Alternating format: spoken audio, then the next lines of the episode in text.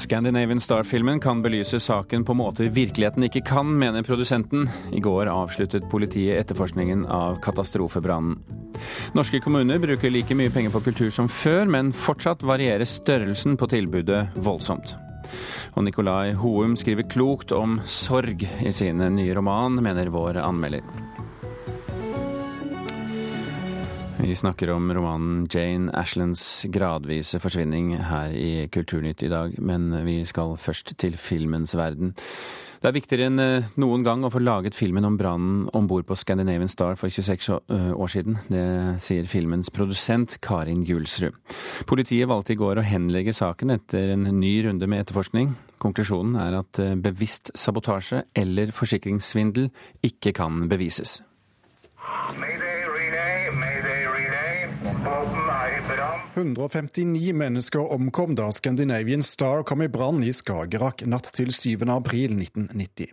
Skipet ble trolig påtent, men ingen er hittil dømt for mordbrannen. Mange har ment etterforskningen på 90-tallet var mangelfull, men Oslo-politiet kan altså ikke trekke noen nye konklusjoner i saken, sa politimester Hans Sverre Sjøvold i går. Det har vært eh, mange spørsmål, det har vært mange spekulasjoner knyttet til denne eh, et tidligere etterforskningen og til konklusjonen tilbake i 1991. Vi har uh, hatt et genuint ønske om å gi flere svar. Og jeg mener at vi gjennom denne etterforskningen har gitt flere svar, men vi har ikke fått noen oppklart straffesak. Dermed er det fortsatt ingen som kan mistenkes og straffes for tragedien. Det endrer lite på planen Karin Julsrud har om å lage spillefilm av hendelsen. Hun er ansvarlig produsent i fire og en halv film. Vi som står bak denne filmen eh, opplever at det er enda viktigere eh, å lage denne filmen enn noensinne. Vi ønsker å lage en politisk film som skal være et dokument over, eh, over det vi med stor tyngde kan kalle den største rettsskandalen i moderne europeisk historie. Det har blitt utøvd uten tvil en total svikt av rettssikkerheten.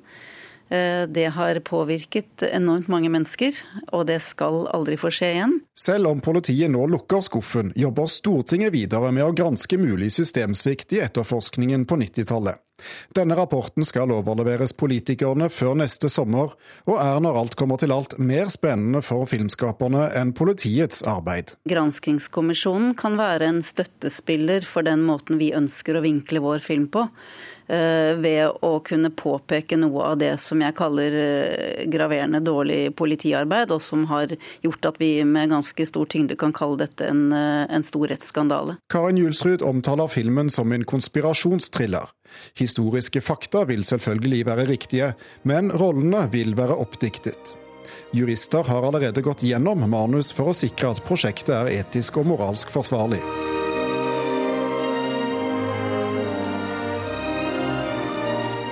Oliver Stones film om drapet på John F. Kennedy er en inspirasjonskilde.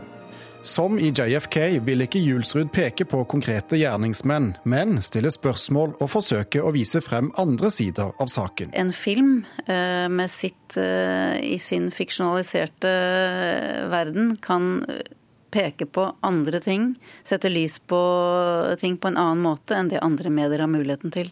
Og den kan stå der som et dokument over noe som er en stor og viktig sak å belyse.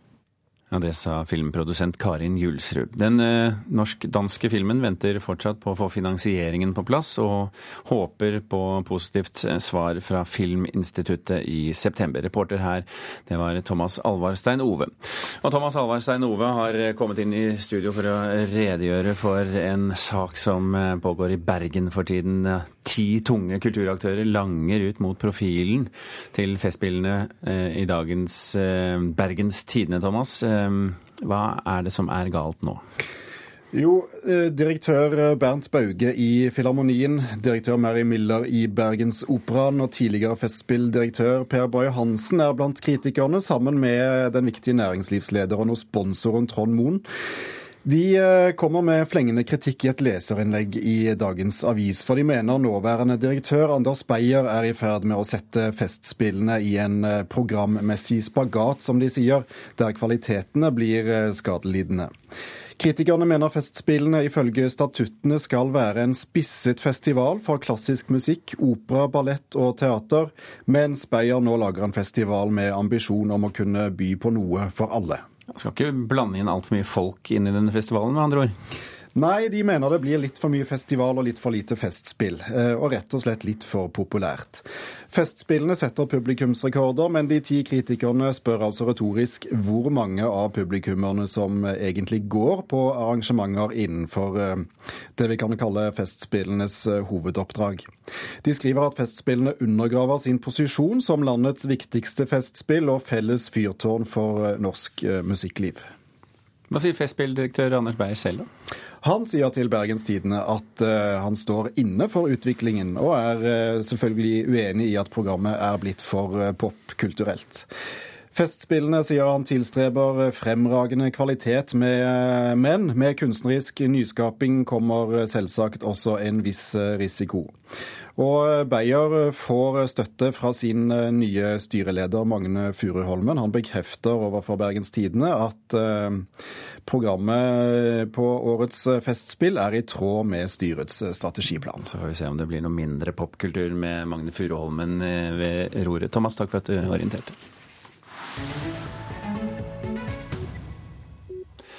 Norske kommuner bruker eh, like mye penger på å gi befolkningen kulturtilbud som tidligere. Tall fra Statistisk sentralbyrå sier nå at kommunene fremdeles bruker rundt 3,8% av kommunebudsjettene på kulturelle tiltak for innbyggerne sine. Men det er i snitt. Hvor mye hver enkelt kommune bruker, det varierer kraftig. Ifølge KOSTRA-databasen til Statistisk sentralbyrå er det store variasjoner i hvor prosentandelen av driftsinntekter blir nytta på kulturtilbud. Tallet varierer fra 15,9% av driftsinntektene til 0,4% i ulike av landets kommuner. Øvst ligger Bykle kommune i Aust-Agder, som er ei kraftkommune med god kommuneøkonomi.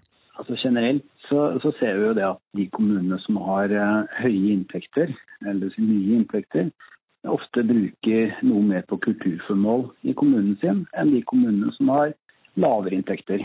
Det sier Rune By, avdelingsdirektør i kommuneøkonomi i KS, kommunesektorens arbeidsgiverorganisasjon.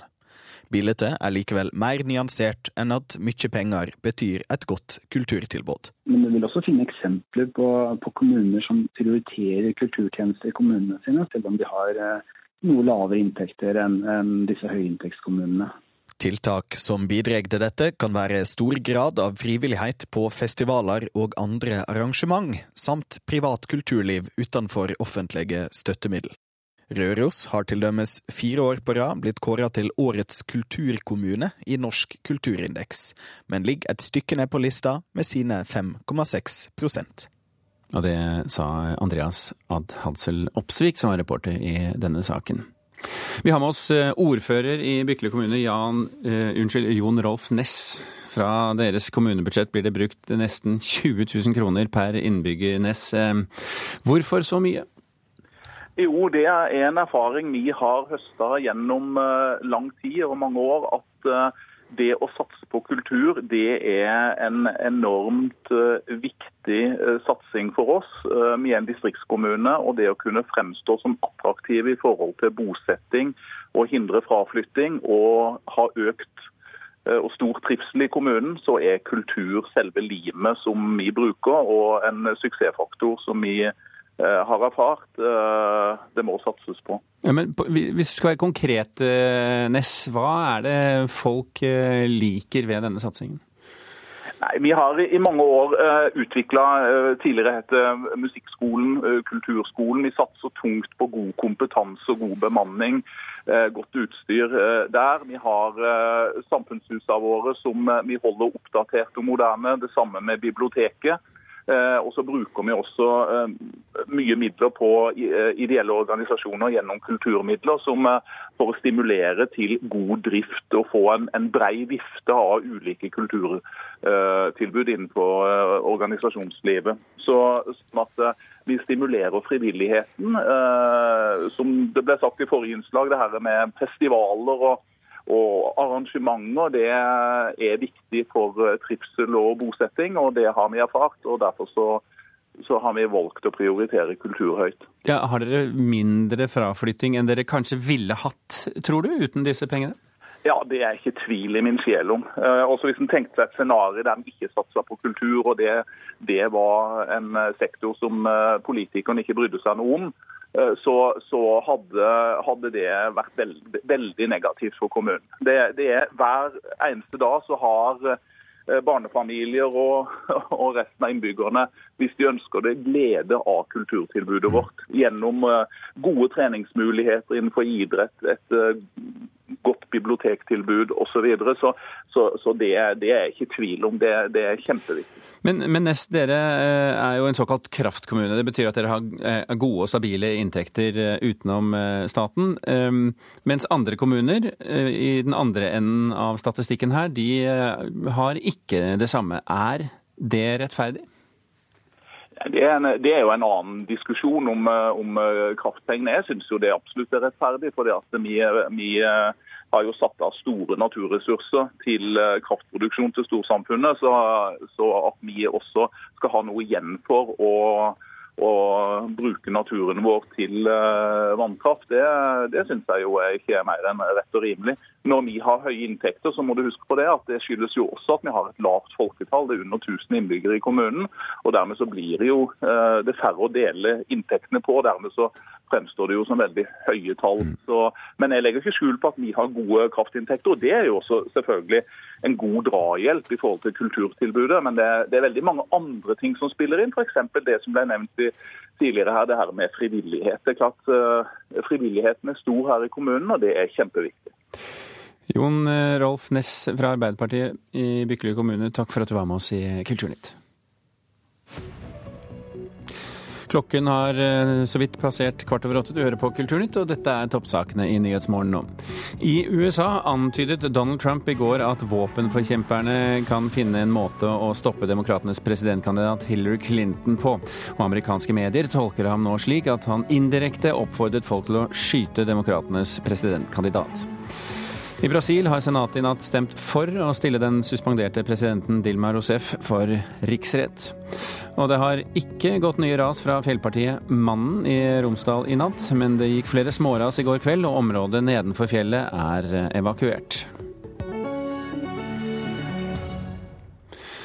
Forfatteren eh, Nicolai Houm fikk eh, et eh, litterært gjennombrudd med sin forrige roman, den bredt anlagte fortellingen De håpefulle. Denne uken er han ute med ny bok, og der skriver han om sorg. Anne Katrine Straume, hvem er det som opplever denne sorgen? Det er en kvinne midt i livet, hun er vel ca. 40 cirka, er litteraturprofessor i Wisconsin, heter Jane Ashland. Tittelen på boken er altså Jane Ashlands gradvise forsvinning, og hun forsvinner delvis gjennom denne sorgen. Eh, vi skjønner at det har skjedd en katastrofe i livet hennes, hun står plutselig alene. Vi får ikke helt svaret på hva som har skjedd før helt mot slutten av boken, men denne Jane, da hun bestemmer seg for å oppsøke noen litt fjerne slektninger i Norge, så hun reiser altså fra USA og til Norge og oppsøker familien familien Askeland. Ehm, og så får vi da møter med andre mennesker hvor hennes liv på en måte blir eh, satt i spill, da. Sakte ut, eh, utesket eh, på sett og vis? Det går i, i, hopp eh, og sprang frem og tilbake i tid, kronologisk og geografisk. Så, så sakte så nøster Nicolai Houm mm. opp denne fortellingen da, og forteller også om Janes oppvekst, barndom og møte med ektemannen, etter hvert barnet, for det er de to som er blitt borte i livet hennes. Så, så er det sorgen som på en måte er driveren i romanen? Ja, sorgen, og hvordan det er mulig å leve videre når du har mistet den eller de du elsker. Og hvem blir vi, hvem er vi, når vi er uten de som vi har på en måte identifisert oss selv med, og de verdiene vi har lagt i livet. Så her kommer det da store spørsmål, uten at det blir patetisk eller liksom eh, veldig um, svulstig, spørsmål om finnes det en mening med det hele? Finnes det en større eksistens som strukturerer våre liv? Finnes det en gud bakom? Ja, Da gir han seg selv en voldsom utfordring. Du var innom liksom, faren for at det blir eh, svulstig og patetisk, eh, men også banalt på sett og vis. Ja, Hvordan klarer han seg her? Ja, for Sorg er jo nettopp et sånt tema som ofte skrives om i litteraturen, men som, som står i fare for da, at det kan bli forterpet. det kan bli Så Sorg er noe som vi alle har opplevd. Det er både allment og det er også så veldig veldig personlig. Jeg syns Nicolai Hoem er god til å eh, finne konkrete små scener hvor denne sorgen, denne smerten, kommer frem. Hvordan Jane plutselig handler irrasjonelt, eller hvordan hun plutselig blir mer intim i relasjoner som ikke naturlig Inviterer til det. Nettopp. Så, så dette er eh, følelser som vi alle kan kjenne igjen. Eh, og Samtidig så driver hun med en slags selvmedisinering med piller, med alkohol. Um, og Nicolai Hoem han skriver også av alle ting morsomt. altså Han er flink til å ha små visuelle, konkrete scener. Det er veldig filmatisk, så jeg kunne godt sett for meg dette som en film. Hvis jeg skal si noe på den negative siden, så er det kanskje det at språket innimellom kan bli litt eh, omstendelig. Eh, sånn at eh, det kan virke som at selve språket rett og slett blir et slags filter mellom de store følelsene, mellom fortellingene og oss som leser. Og som det ligger i, i, i tittelen Jane Ashlands gradvise forsvinning, så, så forsvinner hun til slutt? Ja, det er det, da. Det er et åpent spørsmål, og det er noe som jeg liker ved boken. At den ikke setter to streker under et fasitsvar, men lar oss som lesere tenke og føle selv. Anne Katrine Streime, takk for at du kom og snakket om eh, Jane Ashlands eh, gradvise forsvinning.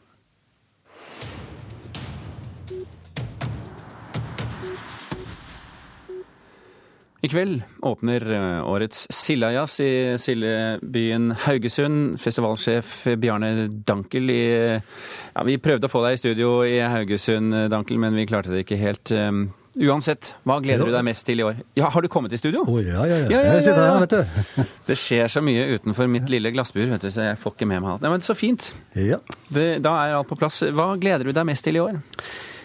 Ja, det er så mange ting jeg gleder meg, men stort er det faktisk at Jan Gabarek skal åpne festivalen i dag. Og eh, han var her sist i 76, og muligens i begynnelsen av 80-tallet.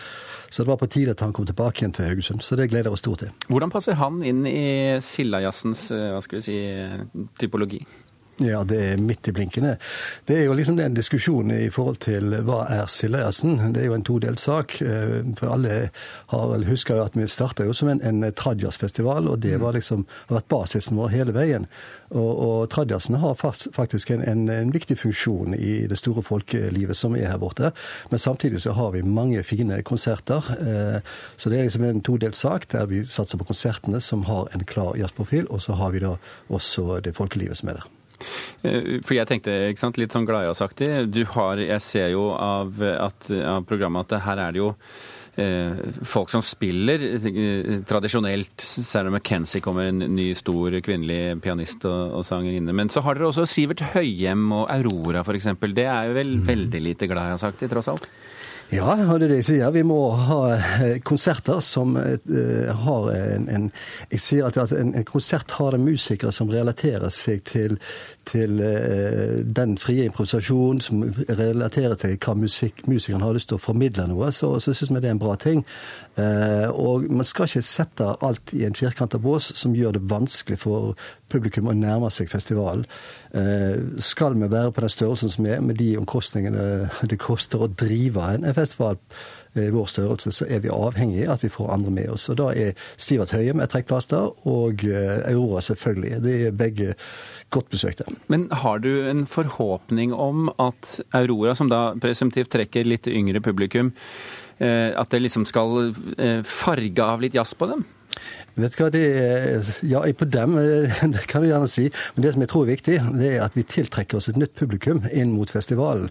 Vi må bygge opp en ny generasjon. Vi er tross alt 30 år, og det er et generasjonsskifte i hele Siljasen. Så jeg tror det er viktig det vi gjør nå. Å tiltrekke oss folk som er interessert i festivalen, har lyst til at den skal være viktig for byen. Eh, Så bruker vi de midlene som er der for at vi skal skape den oppmerksomheten vi trenger. Er det også grunnen til at dere har plukket ut en del eh, et godt knippe lokale artister? Ja, det er jo to forhold med det.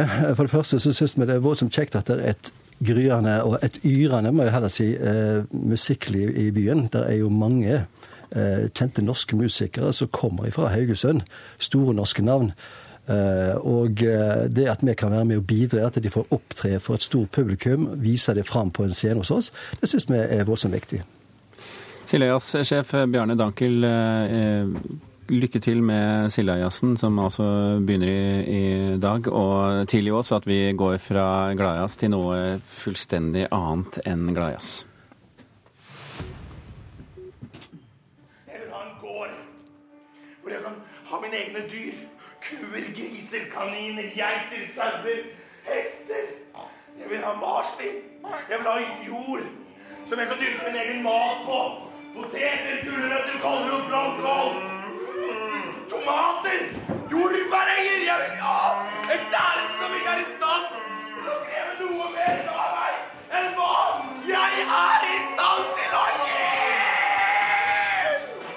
Ja, Det går høylytt og dramatisk for seg når eh, rollefigurene i Ibsens eh, Borkmann, som den nå heter, uh, inntar Nationaltheatret fra lørdag av. Forestillingen er en forsmak på uh, Ibsenfestivalen, Nationaltheatrets Ibsenfestival, som for alvor riktignok sparkes i gang i september. I stykket spiller Jan Selid rollen som Borkmann, en tidligere banksjef som altså har sonet eh, sin dom for underslag og isolert seg opp i annen etasje eh, i huset til søsteren. Og nå vil han gjenreise familiens ære, og en av de som skal gjenreise det, var jo dette mennesket vi hørte her, sønnen i, eh, i historien. Eh, vi har i studio i dag fått med oss eh, skuespillerne Mariann Saastad Ottesen og Marika Enstad. Velkommen begge to. Tusen takk. Hvis vi skal eh, begynne med Borkmanns kone Gunhild, Marika, så, så, er det du som har gitt deg hennes denne rollen. Hva slags kvinne er det vi snakker om her? Det er jo en forsmådd kvinne, da, som har blitt sviktet på alle plan. familien er totalt ruinert pga. denne mannen banksjefstillingen som gikk rett, eh, rett vest, og han eh, ja, ødela hele familien og mange, mange andre mennesker. Han, han giftet seg vel med Gunhild for, for, å få den banksjefstillingen, gjorde han ikke det? Jo, eh, han måtte det. Måtte velge Gunhild og ikke søsteren Ella, som er den store kjærligheten, eller var den store kjærligheten, da. Så da måtte han ta til takke med Gunhild, da, vet du. Og nå sitter han der i, i annen på huset til Ella, som, som eh, vil adoptere sønnen eh, i bildet her, og sønnen vil ikke det. Vi hørte vel noe litt sånn mot, eh, motvillighet i dette lille innslaget vi spilte av. Eh, eh, eh, Mariann Saastad Ottesen, du spiller kjæresten til sønnen. Mm. Hva, hva, er, eh, hva, er, det hun bidrar med inn i, i dramatikken her? Nei, altså Både Borkmann og Gunhild og Ella vil jo gjerne at sønnen Erhard skal gjenopprette familiens ære på forskjellige plan. Men Erhard Borchmann vil noe helt annet. Han vil uh, dra av gårde med Fanny Wilton, som jeg spiller. Mm. Som kommer utenifra med en helt annen uh, en helt annen karakter enn de andre i stykket. da. En veldig frigjort kvinne som tilbyr han et annet, helt annet liv. Frigjorte ting? Ja, det kan man jo si. Eller tolke som man vil. Men uh, uansett at hun det livet hun tilbyr han, er i hvert fall noe helt annet enn å være sammen med disse tre andre karakterene som alle har lyst til at Erhard skal gjøre godt igjen det de ikke har fått til i sine liv, da. Mm. Mens han vil leve sitt eget liv. Men er det ikke en annen kvinne inne i bildet her også? I, er det ikke en slags tre, tre, eh, trekantsituasjon også med Erhard? Ja, det kan man jo. Det er, blir vel et litt mer åpent Det er vel tre eh, stykker som skal dra av gårde og finne friheten? Ja, er det, det er litt åpent spørsmål hvordan man velger å tolke det. Men uh, denne advokat Hinkel, uh, som uh, på en måte er ja. Nemesisen i stykket, på sett og vis? Eh, det er en jente som heter Frida Folldal som spiller piano oppe hos Borkmann. En ung kvinne som også da spiller nede hos Hinkel til fest. Eh, hun blir også med Erhard og Fanny Wilton. Mm. Vi, eh, vi, dette, dette, er jo som mange av Ibsens stykker en, en, en mann i, i, utgangspunktet med et slags ekstremt selvbilde. Eh, unntaksmenneske. Vi snakker om eh, Jon Gabriel Borkmann her. I et eh, vel forbigått, sakte personlig kollaps, på sett og vis. Hva gjør dette Hva gjør Borkmann med folka rundt? Nei, altså han, eh, han, har jo ødelagt alle rundt seg. Han har ødelagt kjærlighetslivet til Ella, søsteren. Den kjærligheten der ødela han jo. Eh, han ødela jo mitt liv, han ødela jo sønnen sin sitt liv. Han tok ikke ansvar for noen ting, han bare tenkte på seg selv. Sin egen stilling, posisjon, makt. Det er et maktdrama, familiemaktdrama, som eh, går eh, rett vest, på en måte. Så det er jo et, eh, en stor egoisme ute og går her. Og Det er jo Ibsens nest siste stykke. Det ble jo skrevet i 1896. Så det er jo liksom på toppen, på veien mot døden. Han liksom river ned de derre ja, Går inn i døden, liksom på samme måte som når vi døde våkner. De går opp på et fjell, søker døden. Altså det er noen sånn tre lik som møtes uh, nå, da. på en måte. Den som eh, dreper kjærlighetslivet i seg selv eller andre, han begår en dødssynd som ikke kan sones. Eh, Mm. Det skrev en av anmelderne i 1896. Eh, Er, er det liksom kjernen i stykket? At man skal være varsom med å drepe kjærligheten? Ja, det er jo det, det, mye det de to siste stykkene til Ibsen handler om. Det er jo den. Kjærligheten. Men uh, hva ser vi egentlig? Vi ser at de aldri har levet til noen døde våkner. Altså, det er det Ibsens uh, store drama, indre drama selv, tror jeg, da. Som er, går mot slutten her. Som er eh, Man skal ikke det. Man skal ikke drepe Jon- den kjærligheten. Nei. Jon Gabriel Borkmann heter nå Borkmann når det settes opp og, og, og regisseres av Jan Bosse, denne eh, anerkjente eh, regissøren. Hvordan har det vært å jobbe med han? Det har vært helt fantastisk. Han er Ja, han gir skuespillerne en enorm frihet. eh, Og selv om eh, man absolutt tar vare på stykket og alvoret, og så gir han også en enorm frihet til å, til å på en måte improvisere i forskjellige biter. Så jeg tror forestillingen Er det én ting den ikke blir, så er det i hvert fall ikke kjedelig. Eh, Nei, for Her skal publikum også inn i bildet, skal det ikke det? jo, publikum, Vi bruker publikum ganske aktivt gjennom, eh, Hvordan gjennom denne kvelden. Nei, det må man jo komme, Nei, nei, nei, komme du må og se. litt.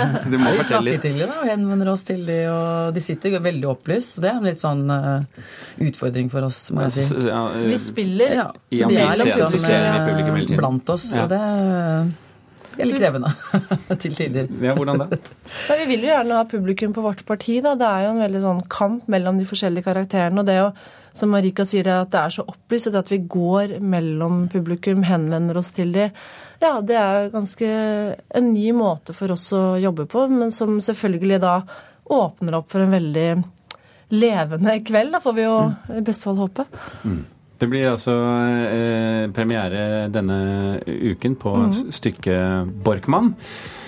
Eh, premiere skal vi ha alt annet enn her i Kulturnytt, for vi skal runde av. Eh, takk for at eh, dere kom til oss, Mariann Saasa Ottesen og Marika Enstad. Det var eh, Tone Staude og Birgit Kolsrud Aasund som hadde Kulturnytt i dag.